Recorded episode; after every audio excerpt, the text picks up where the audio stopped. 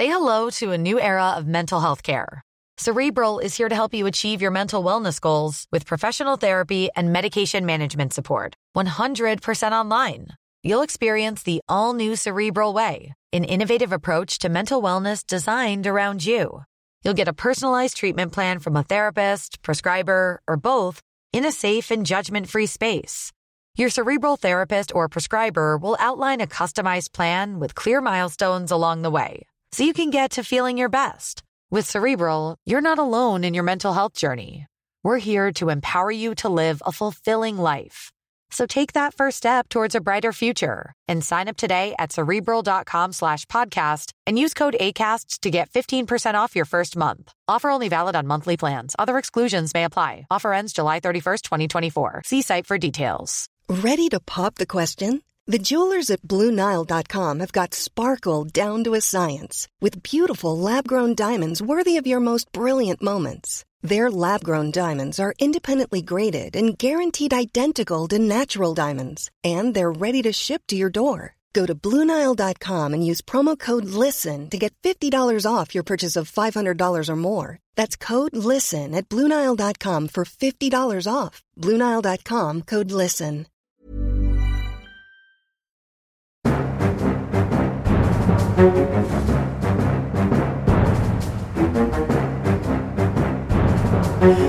Ok, da setter vi i gang med en ny episode Aftenpodden USA. Og vi får si at uh, denne episoden er litt annerledes enn de vi pleier å ha. Uh, vi kan si at det er en slags vikarepisode, for den er spilt inn noen dager på forhånd. Fordi vi har en sterk anelse om at jeg kanskje ikke er i stand til å lage pod den uka denne podden kommer ut. Så derfor en spesial, og derfor så gjør vi noen grep da, som gjør at den, eh, vi snakker om litt mer sånn tidløse temaer og den type ting. Men Kristina Pletten, du er som vanlig på plass i Oslo. I alle fall, du har flyttet deg inn i stua nå. Det er jo til og med slått av kjøleskapet for å få så bra lyd som mulig. Så her ofrer vi alt. Ja, det har jeg gjort, og sist gang så glemte jeg å slå det på igjen, og det var ikke noe smart. Så det må jeg prøve å huske på nå når jeg eh, slår av. Jeg tror jeg har sagt det her før i, poden her, at jeg har omtrent sånn fem, 15 sekunders uh, gullfiskhukommelse, så det skal holde hardt, men jeg skal prøve. Ja, ja. Hvis ikke så må man bare spise seg gjennom alt som er i kjøleskapet på rekordfart hver gang du lager pod. Og fryseskapet, for det er da også slått Men du klarte å redde det? Ja da. Det gikk bra. Ja, veldig bra. Litt, du har jo litt tid på deg, men fryser i hvert fall, før det er helt sånn helt krise. Ja da, det er sant. Ja. Knock on wood. Ja, jeg er Øystein, Øystein Langberg, på plass eh, som vanlig på Manhattan i New York City. Um, og i dag så er planen egentlig å snakke om et tema vi har tenkt på en liten stund, og som vi tenkte kunne være perfekt for en sånn uke som det her, som handler om Donald Trump og hva som vil skje hvis han kommer tilbake. Og nå har det blitt skrevet en del ting om hvilke planer Trump og organisasjonene rundt hans har, så dette blir ikke bare vill spekulasjon. Det er faktisk en del ideer om hva de skal gjøre, og noen mener dette er ordentlig, ordentlig skumle ting. Så det er egentlig planen i dag. Både innenrikspolitikk, utenrikspolitikk. Hva betyr det med fire nye år med Donald Trump, hvis det faktisk skjer i 2024? Og det er jo også litt aktuelt å snakke om hvis noen andre fra det republikanske partiet med de samme ideene kommer og tar makten, så vil de kanskje bruke noen av disse planene som ligger der. Ja.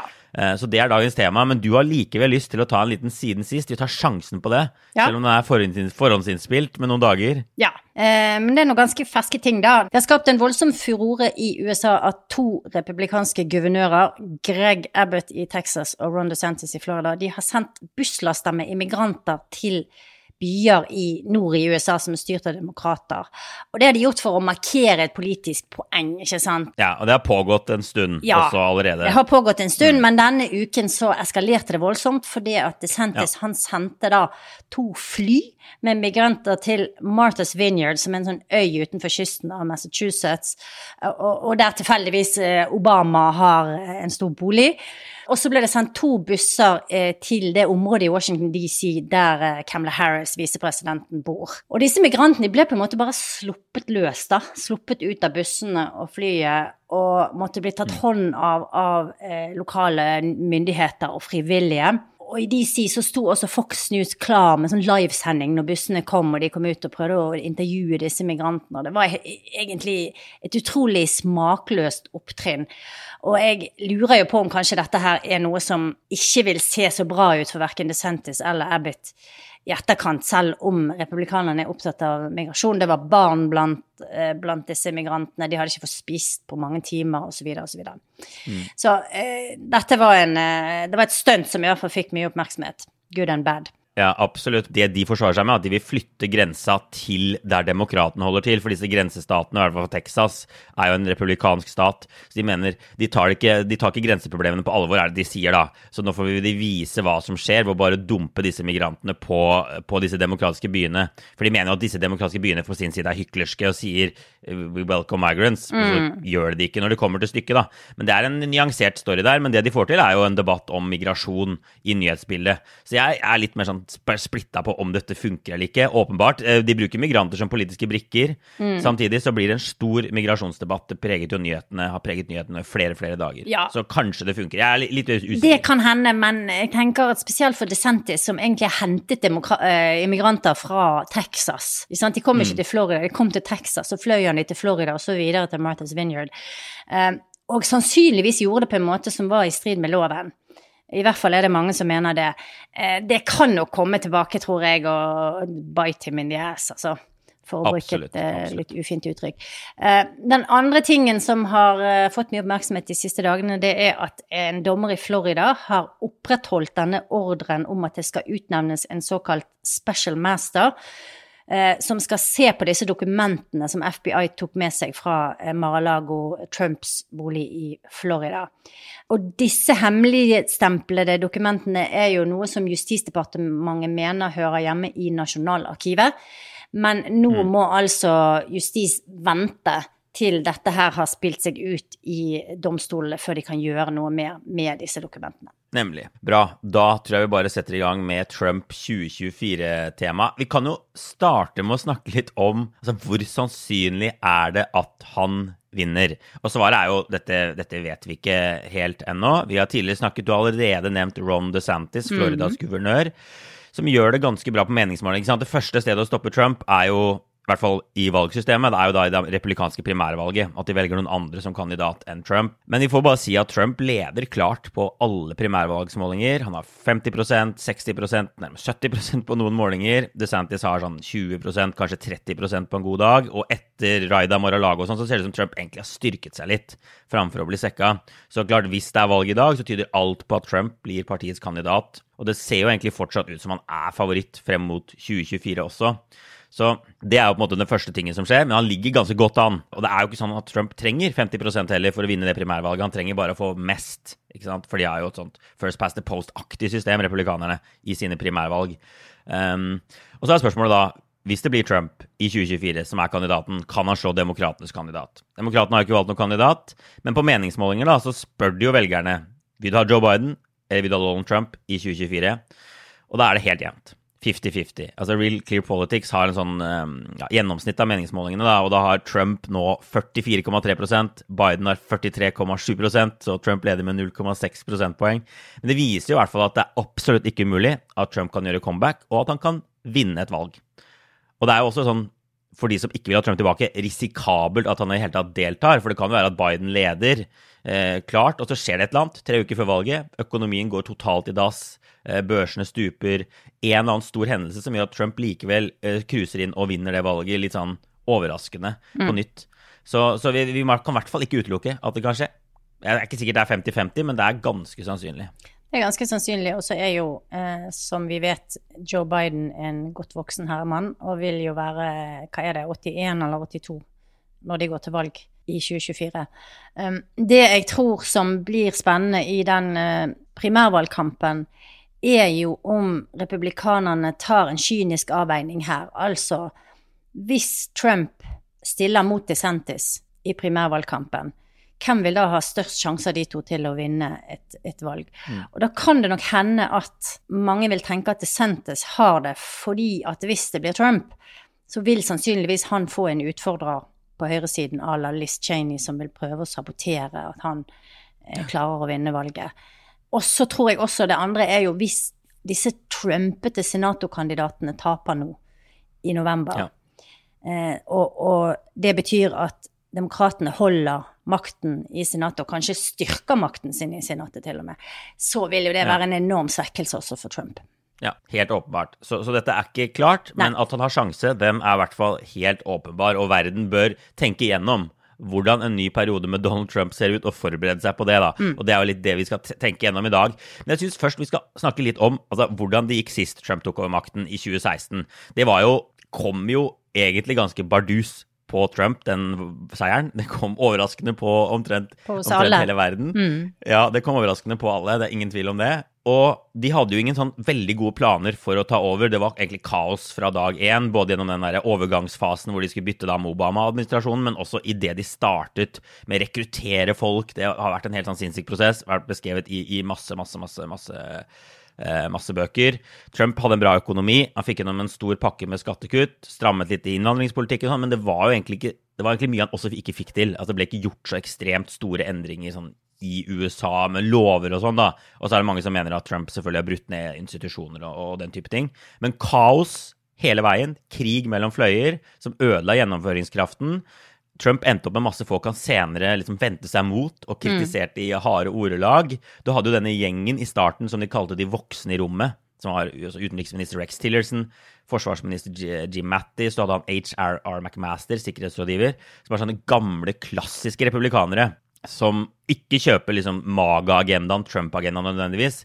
Så den der første administrasjonen til Trump var jo en sånn der regnbuekoalisjon av alt mulig rart fra, fra høyresiden, egentlig. Hvor mange egentlig hadde også veldig sånn forskjellige meninger, f.eks. om Russland. Men altså, liksom kort fortalt, mye ondt blod. Eh, det er jo veldig gøy å gå inn og se på alt det Trump skrev og alle de folkene han langet ut på mot Twitter. Den databasen finnes jo der fortsatt, men eh, Jim Mattis, da han forsvarsministeren hans, kalte han landets mest overvurderte general. Han var elendig, skrev han jo. Etter, at, eh, etter at denne mannen hadde gått av. Jeg tror de har trukket noen lærdommer av det her. Jeg tror det er ting de har lyst til å ikke gjøre på nytt. Men så samtidig så hadde jo Trump et ganske godt team, i hvert fall det første året han var president, hvis du skulle se det fra en sånn tradisjonell republikansk synsvinkel, da. Hvis du skulle få gjennomført en del av de tingene som de ønsker å få gjennomført, så hadde han et veldig godt team. Han hadde et, også et økonomisk team som fikk gjennom store endringer som var veldig, veldig businessvennlige. Kuttet vekk masse reguleringer, kuttet masse skatt. Og på utenriks så hadde jo de suksess, som jeg ikke syns de har fått helt nok kred for, kanskje, i Syria og Irak, der de klarte å slå tilbake IS og egentlig gjøre en del grep med det militære styret der som gjorde at de fikk mer gjennomsnakskraft gjennomslagskraft i, i strategi og politikk der, da. Så Mm. sånn sett så var jo Trump sitt første år sett fra en GOP-agenda en suksess. Mm. Men det var ikke det Trump ønsket å gjøre. Nei, det var det ikke. Så, så, så for å bare gå over til det de tenker på nå, da, så tror jeg de har tatt en del lærdommer av det her. Det er jo ingen tvil om at hvis Trump kommer tilbake i 2024, så er det en Trump som kan ekstremt mye mer om politikk. Han var jo eh, helt grønn på politikk da han plutselig ble president ute på Vagnat der, uh, i, i, i 2016. Nå har han uh, brukt seg tid på å lære Washington. Jeg tror ikke han kan kalles noen sånn Washington insider. Han er ikke liksom han er ikke noen Mitch McConnell eller Joe Biden som har vært der i alle år og sånn, kan men han kan vesentlig mer. Han skjønner mer hvordan systemene fungerer, han skjønner kanskje hvorfor han ikke får gjennom ting, og hvorfor han får gjennom ting. Og så har de lært ting de ikke vil, altså lært av sine feil, da, antageligvis.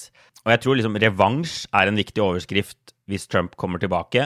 Eh, Jeg snakket med en velger også oppe i, oppe i Wyoming for litt siden som sa at Trump kommer til å være så sint. Han sa at dette var bra. Han gleder seg til at han drømmer om at Trump skal komme tilbake. Men han kommer inn der med på en måte en klar agenda da, og, og, og en betydelig sånn hevnlyst er ideen. Men det er også blitt skrevet litt om liksom, konkrete planer som legges, ikke nødvendigvis av Trump selv, men av det svære underskogen av tankesmier som har dukket opp, og organisasjoner og rådgivere og sånn rundt Trump som pusher Trump sin agenda, som jo heller ikke fantes i 2016. Da var jo Trump-bevegelsen Trump. Men nå er det jo masse, masse, masse folk rundt der eh, som, som representerer på en måte hans ideer og sånn. Og vi kan jo starte med altså Axios, dette denne politikk- eh, og nyhetsnettstedet, har skrevet eh, flere veldig, veldig gode saker om noen av planene som legges nå i Trump-verdenen. Det er han Jonathan Swan som har intervjuet Trump også. Som har en Eh, eh, helt journalist. ufattelig god kilde i Trump-universet. Ja, Kanskje Trump selv, selv, men i hvert fall eh, Ja, ja. veldig nært på Ja. Veldig, veldig gode kilder. Eh, Så en fyr mange stoler på, da. Og han har laget noen saker for eh, ja, det er gått en måned siden nå, over disse planene. Og jeg tenker jo en viktig ting de pønsker på, er at de lager sånne store, store databaser nå med navn på Trump-lojale folk. Og det gjøres flere steder. altså. Folk de kan rekruttere og ha med seg inn som ikke er sånn som disse her Mattis og Tillerson-gutta, som representerer på en måte en annen politisk tankegods, men som representerer Trumps magagenda. De har en fiendtlig innstilling til systemet, skriver, eh, skriver, Swan. Det er det de på en måte kjennetegnes ved. Mm. Så det er jo veldig interessant nå at de vil forberede seg mye bedre og ha med en helt annen gjeng inn. Det blir en mer Trump-lojal administrasjon, da, hvis de får viljen sin, de ja. som eh, planlegger dette. Og så er det jo sånn at du kan ikke bare sette inn eh, hvem du vil som ministre, fordi at de må faktisk godkjennes i Senatet. Så dette her er jo en, en litt større operasjon der de må ta kontroll.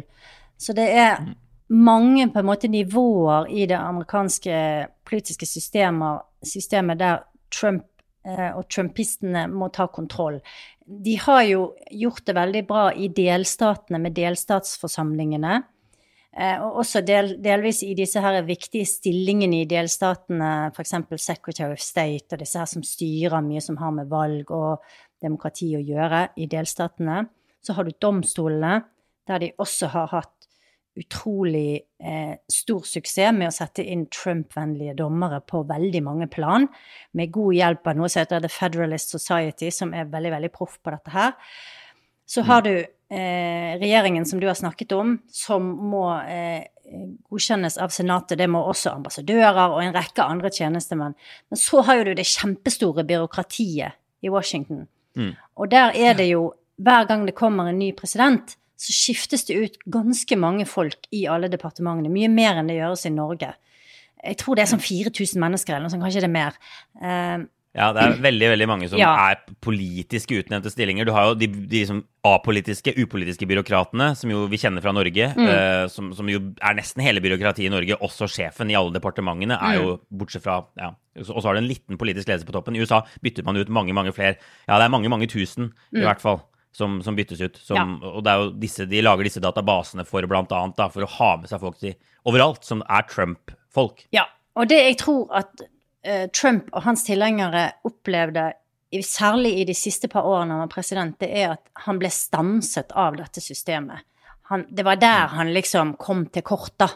Fordi at det var folk i byråkratiet, i systemet, som, som på en måte satt og holdt igjen sånn at han ikke mm. kunne bare overkjøre alt. Og det er vel det ja. han nå prøver å, å, på en måte rive ned fra innsiden, hvis jeg har forstått det riktig. Ja, for det er jo egentlig to ting her. Én ting er at du bytter ut de vanlige politiske utnevnelsene som de, alle de administrasjonene gjør. Men det som virkelig har fått skremt Trumps motstandere her, og som virkelig er den radikale planen, som også Axios beskriver veldig godt, men som ikke er noen hemmelighet overhodet Trump skriver om dette selv i masse masse sånne fundraising-emails. Dette, dette, er ikke noen stor hemmelig plan, men radikalt er det.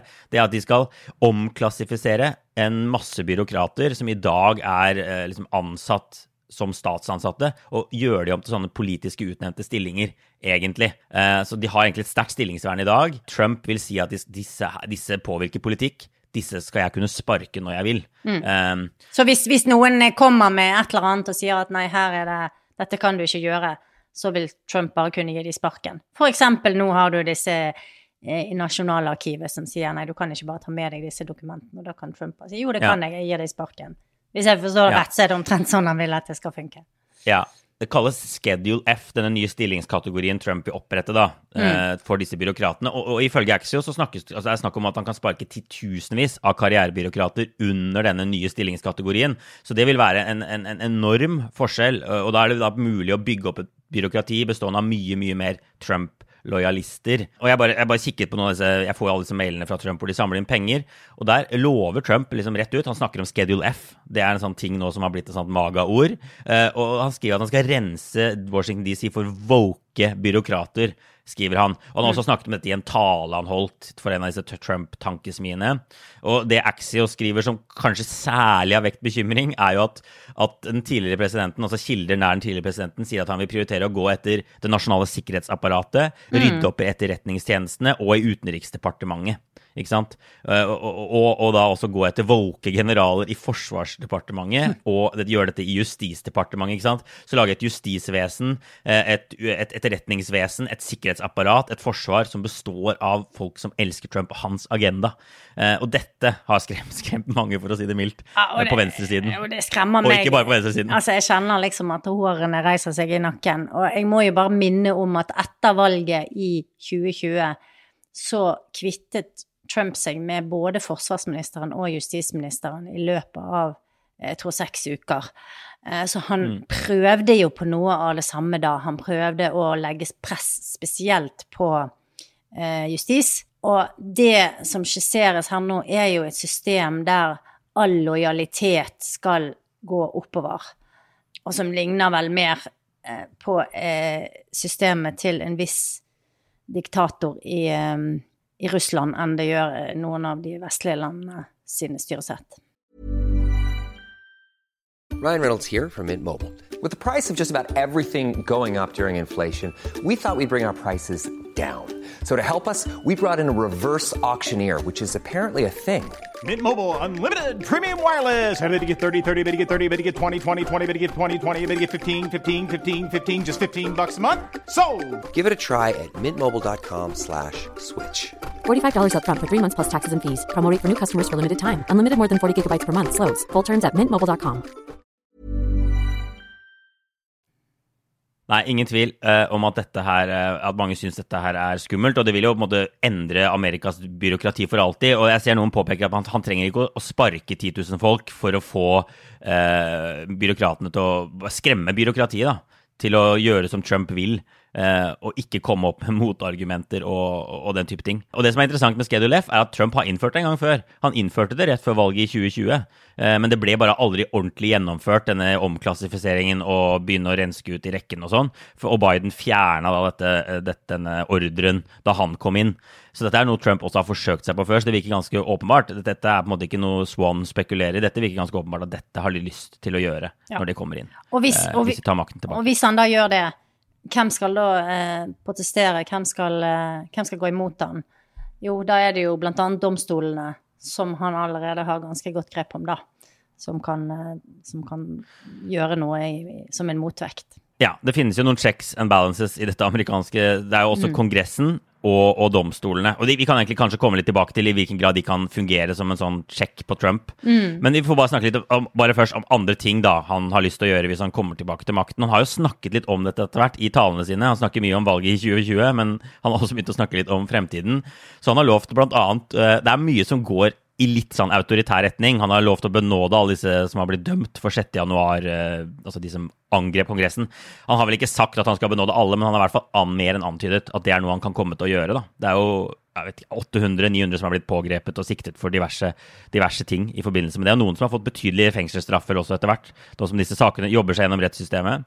Og så har han også snakket om sånne ting som at han må, vil gjøre det mye lettere å sette i nasjonalgarden rundt omkring i USA. Altså at presidenten kan sende slags militære styrker da, inn i delstater, selv om guvernøren der ikke vil ha dem, mm. for å ta kontrollen. Som også er en ting som skremmer, eh, skremmer litt.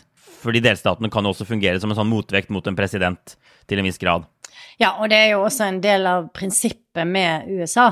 At delstatene skal ha mye selvstyre, og at guvernøren skal ha den øverste kontrollen over dette her. Så det er jo Og det strider jo også mot det veldig mange republikanere hevder er liksom et veldig viktig prinsipp, fordi at delstatene har en stor grad av selvstyre. Og så har også Trump eh, kommet med mer sånne ting som jeg lurer på hvor eh, godt Om det er liksom ting han skyter ut mer, eller hvor mye de har tenkt på. Han vil bygge teltleirer for hjemløse. Han vil rense, tømme byene for hjemløse for det han kaller mentalt forstyrra, er det man kaller det. Og bygge sånne svære leirer utenfor byene. Han sier at det kan bygges på en dag. Kjempeflotte telt i sånn klassisk Trump-stil, da. Så det er jo også sånn politiske ideer som dukker opp. Og så er det jo mer av det gamle, da. Han snakker om å bygge muren mot Mexico, han snakker masse om innvandring. Det er mulig at de kommer til å gjennomføre noen flere skattekutt, f.eks.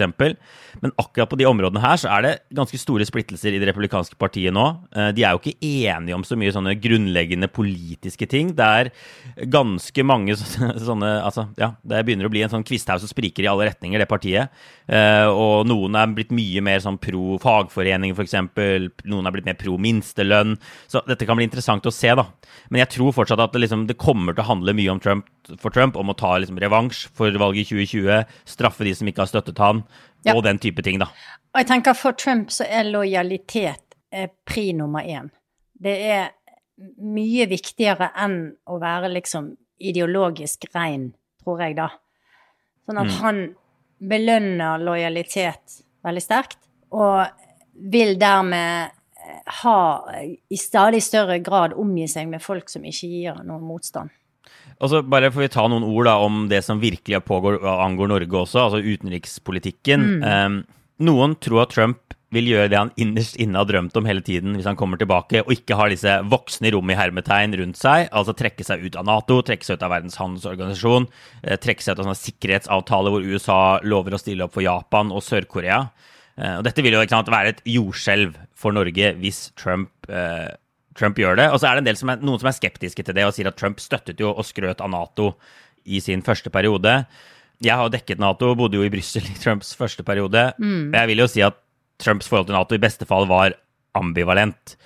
Og at det virker jo som Trump innerst inne har en ganske stort horn i siden til, til Nato. Eh, og at det, det er jo blitt rapportert så mange steder at han at hele, gjennom hele presidentperioden sin snakket om å trekke USA ut. Selv om eh, han skrøt av Nato offentlig og sa 'se hvor mye penger de har fått til å bruke på forsvar' og sånn, at han innerst inne har en eller annen idé om at det er en ting som skader USA. da. Og Jeg har også skrevet om alt Stoltenberg og den gjengen eh, rundt han i Brussel gjorde, hvor, hvor, lang, hvor mange skritt de gikk til. Uvanlige skritt for å holde Trump inne i folden. Uh, unngikk å snakke så mye om Russland, for de visste at det kunne trigge Trump og få han til å si noe, si noe sjukt, f.eks. Uh, de- Stoltenberg dro jo på Fox News og skrøt for å snakke måte, direkte til Trump gjennom TV-ruta uh, og skryte av sånne nye tall han har lagt frem og sånn. Og det er flere ganger de har vært ordentlig redde, både under disse toppmøtene hvor Trump plutselig har bare ja, begynt å ra rase mot de andre allierte, men også andre ganger da, hvor det har gått rykter om at at nå er det et eller annet på gang i Washington som er ordentlig ordentlig skummelt for, eh, for alliansen. Så jeg tror ikke det er helt fjernt at det kan skje noe ordentlig alvorlig sånn internasjonalt for den vestlige alliansen hvis Trump kommer tilbake. Nei, jeg tenker at alle typer tverrpolitisk samarbeid og internasjonale organisasjoner eh, skalv jo i buksene nesten under hele Trumps periode. Og så skal vi huske på at blir han valgt igjen, så blir det hans siste periode. De kan bare sitte i to perioder. Så han har veldig Ja. mye mindre å tape. Han trenger ikke å, å liksom smiske seg inn på noen andre enn sine egne mest sånn hardcore tilhengere. Så han kan virkelig gå all in, og da tenker jeg at både FN, Nato, Verdens helseorganisasjon, eh, Verdens handelsorganisasjon, alle disse her eh, kan oppleve at USA trekker seg ut eller blir veldig, veldig mye mer fiendtlig innstilt.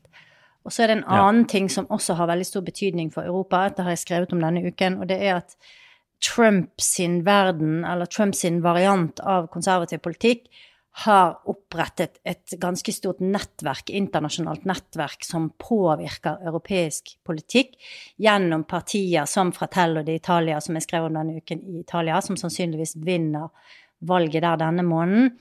Og de henter ideer og inspirasjon fra USA og fra disse tenkerne i, i Trump-verdenen.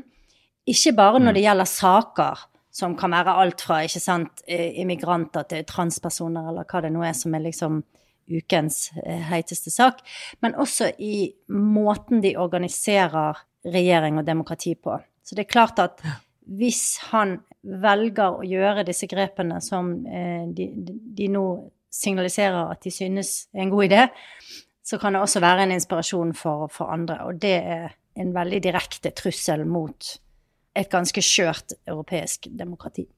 Ja, og så har de igjen dette med motvekter til Trump. da. Eh, Noen vil jo si at det er en debatt da, om Trump egentlig kan trekke f.eks. USA ut av Nato på egen hånd. Noen vil si at han trenger å ha med seg Senatet for å gjøre det. Men igjen så er det jo sånn at, at Trump trenger ikke nødvendigvis å trekke seg ut. De kan kutte overføringer. Trump kan bare si 'jeg forsvarer ikke baltiske land', 'jeg forsvarer ikke Polen' hvis de blir angrepet. Jeg er commander in chief. Og da har NATO, NATO rakna, selv om USA formelt er medlem fortsatt. Så det er, det er jo, han har jo veldig veldig mye makt som president også, vi må ikke glemme det. Det handler ikke bare om formelt, om det står at du er medlem i disse organisasjonene. Og så, unnskyld, så er det det indirekte. Altså, hva vil f.eks. Vladimir Putin tenke? Hvor mye mer vil han tørre å gjøre med en Trump i Det hvite hus enn med en Biden i Det hvite hus, som samarbeider så tett med Nato? Så det vil også påvirke mange andre med, eh, med hensikter som ikke nødvendigvis er gode, da, på, på forskjellige måter. Ja. Altså, jeg har lyst til å spørre deg, altså de, liksom de som ser mørkest på det her, mener at hvis Trump vinner i 2024, de sier rett ut, så er det slutten på demokrati i USA. De vil sørge for at republikanske vippestater i fremtiden kan bare overkjøre folkeviljen, f.eks. ved å bare utpeke valgmenn, istedenfor å se hvordan folk i disse statene faktisk har stemt. Og det er jo sånn at delstatsforsamlinger i f.eks. Wisconsin, Michigan, Pennsylvania, der styrer republikanerne delstatsforsamlinger. Og de frykter også at de vil stramme inn stemmerettsregler, gjøre det vanskelig for minoriteter å stemme, og, og, og i tillegg liksom bygge ned institusjoner, da, gjøre presidenten til, ja, som vi snakket om eh, i forrige uke, nærmest en konge. Som kan, eh, som kan gjøre litt som han vil, og ikke bry seg om disse checks and balancene, da, eh, motvekt, eh, motvektene som finnes rundt omkring. Men hva tenker du, er det, er det litt blåst ut av proporsjoner? På en måte. Altså, jeg tror ikke Trump-verden har nok kapasiteter til å gjennomføre det.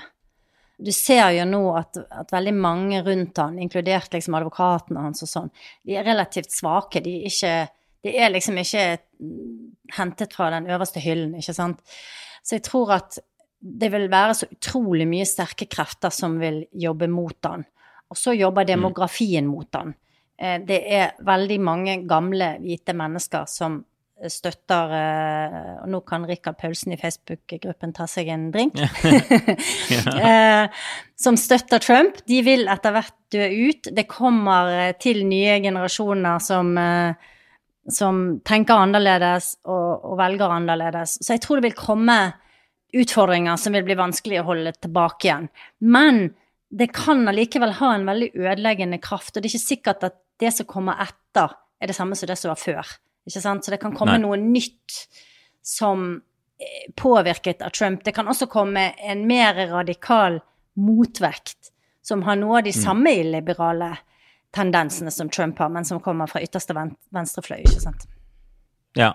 Jeg har sett noen peke på at liksom, Trumps modus operandi er kaos. Det preget hans første periode. De tror ikke det vil bli så annerledes i andre periode. De tror at han har lyst til å gjennomføre ting, men han får ikke gjort det, selv om han har med seg disse mer lojale folka som de har i disse databasene sine, som hater systemet og sånn. Så bare er det Det kommer ikke til å bli gjennomført, for det, bare, det bare går ikke. Det er ikke sånn Donald Trump, eh, Donald Trump eh, er. Um, som jo er liksom et godt poeng. Interessant poeng. Uh, og så er det jo sannsynligvis sånn at hvis Trump vinner i 2024, så vinner han ikke en soleklar seier. Det kommer jo veldig mye an på her. altså Trump har jo aldri vunnet en soleklar seier. Han har jo ikke voldsom støtte bak seg. Noen mener jo at sånn som Viktor Orban i Ungarn og sånn, da, disse folkene som virkelig har tatt kontrollen, endret grunnloven, endret valgsystemet, befestet makten sin, de har gjort det med ganske store seire og har hatt folket i ryggen i valg på valg på valg, og liksom et ordentlig flertall av folk i ryggen. Det har jo Trump aldri hatt. Han har jo aldri fått flest stemmer i et valg han har stilt opp i, f.eks. Og det vil nok fortsatt være sant.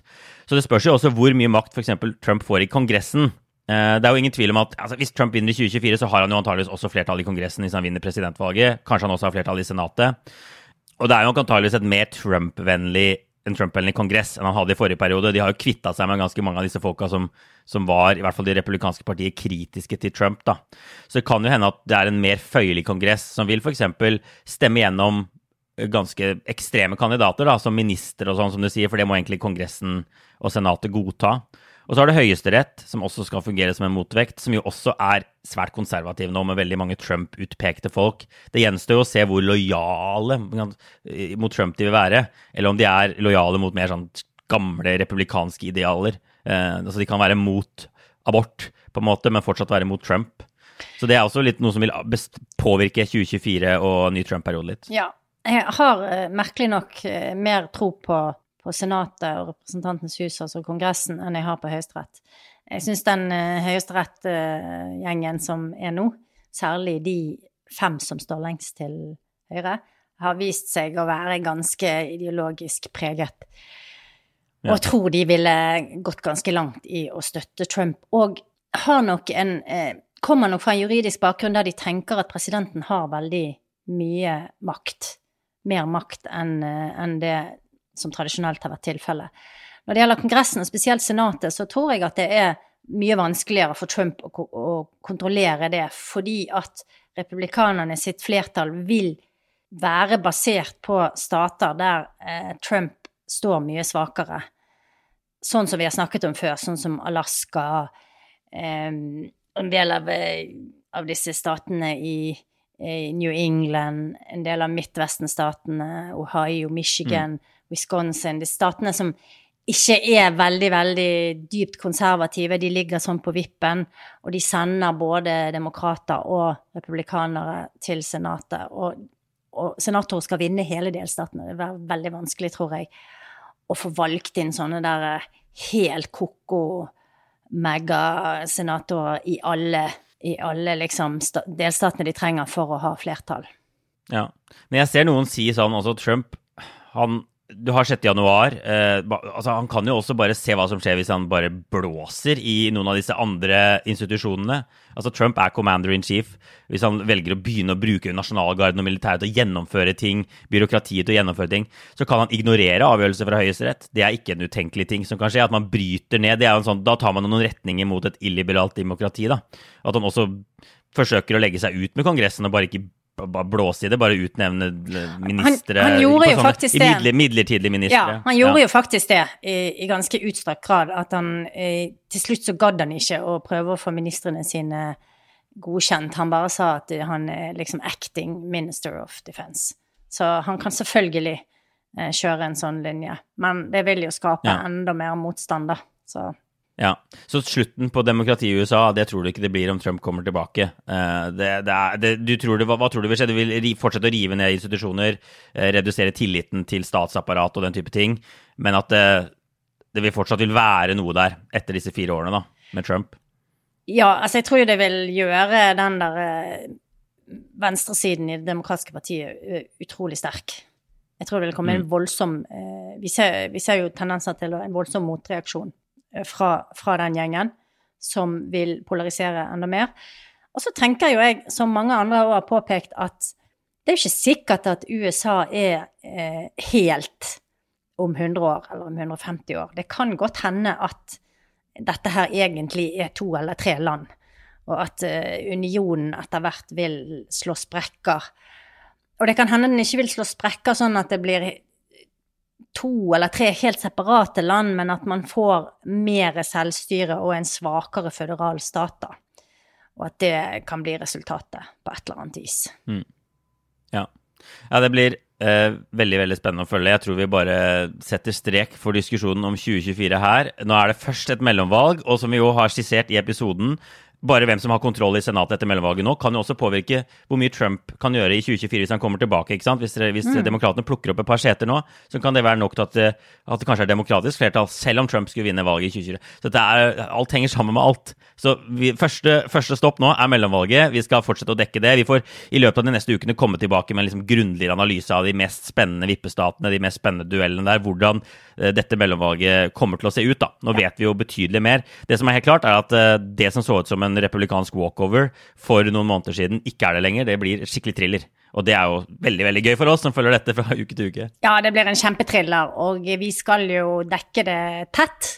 Eh, I tillegg til oss to. Jeg skal også ha vært eh, bortgitt til USA. Og så har vi vår kollega Kjetil, som også eh, kommer til å være i USA i, og levere reportasjer og reise rundt. Så vi kommer til å, å lage masse stoff om dette her, og det blir veldig spennende fremover mot Det er vel er det 8. november som er valgdag. Ja, det er 8. november. Ja, jeg tror ikke vi har noen sånn spesiell obligatorisk refleksjon i dag, fordi dette er jo en sånn spesialepisode som vi har uh, satt sammen på forhånd. Men eh, vi får jo bare, bare benytte anledningen. Dette er en åpen episode denne uka her. Eh, nå har vi jo annenhver uke med episoder laget for abonnenter. De kan du høre i Podme eller i Aftenposten-appen. Og så er det annenhver uke med åpne episoder. Eh, og vi er, må bare igjen si at vi er kjempeglad for alle som er med oss videre eh, de ukene hvor vi har en episode kun for abonnenter. Det har vært eh, overveldende positive tall, egentlig. Ja. Eh, og det er vi veldig, veldig glad for. Det er vi kjempeglad for, og eh, så blir det jo enda mer kjør egentlig etter valget. Fordi at da Ja. Kommer kandidatene til 2024 til å komme out of the woodwork rimelig kjapt. Jeg husker sist gang, da var jeg i USA, og da var jeg på Elizabeth Warren sin aller første eh, kampanjetur i Iowa, og da var det liksom Jeg tror kanskje det var 3. januar, eller noe sånt, rett etter nyttår. Så eh, det kommer til å komme veldig fort, tror jeg. Eh, etter, etter 8. november. Og da begynner jo vi å se også konturene av Vil noen utfordre Trump? Vil noen utfordre Biden? Som også er spennende, tenker jeg, på demokratenes side. Så det, det kommer til å bli masse, masse for oss å snakke om Ja. også fremover. Ja. Det er, eh, for de som føles det var kort siden forrige presidentvalg, så kommer det, nå er vi i den perioden hvor det snart bare går i ett til neste presidentvalg, som er helt sjukt. Ja. Og Trump òg kommer sikkert til å si, hvis han stiller, eh, ganske kjapt etter mellomvalget. Så det er bare å følge med videre. Jeg tror vi setter strek der for denne uka, og så sier vi bare tusen takk til lytterne, tenker jeg. Ja. Bra. Ha det, ha det.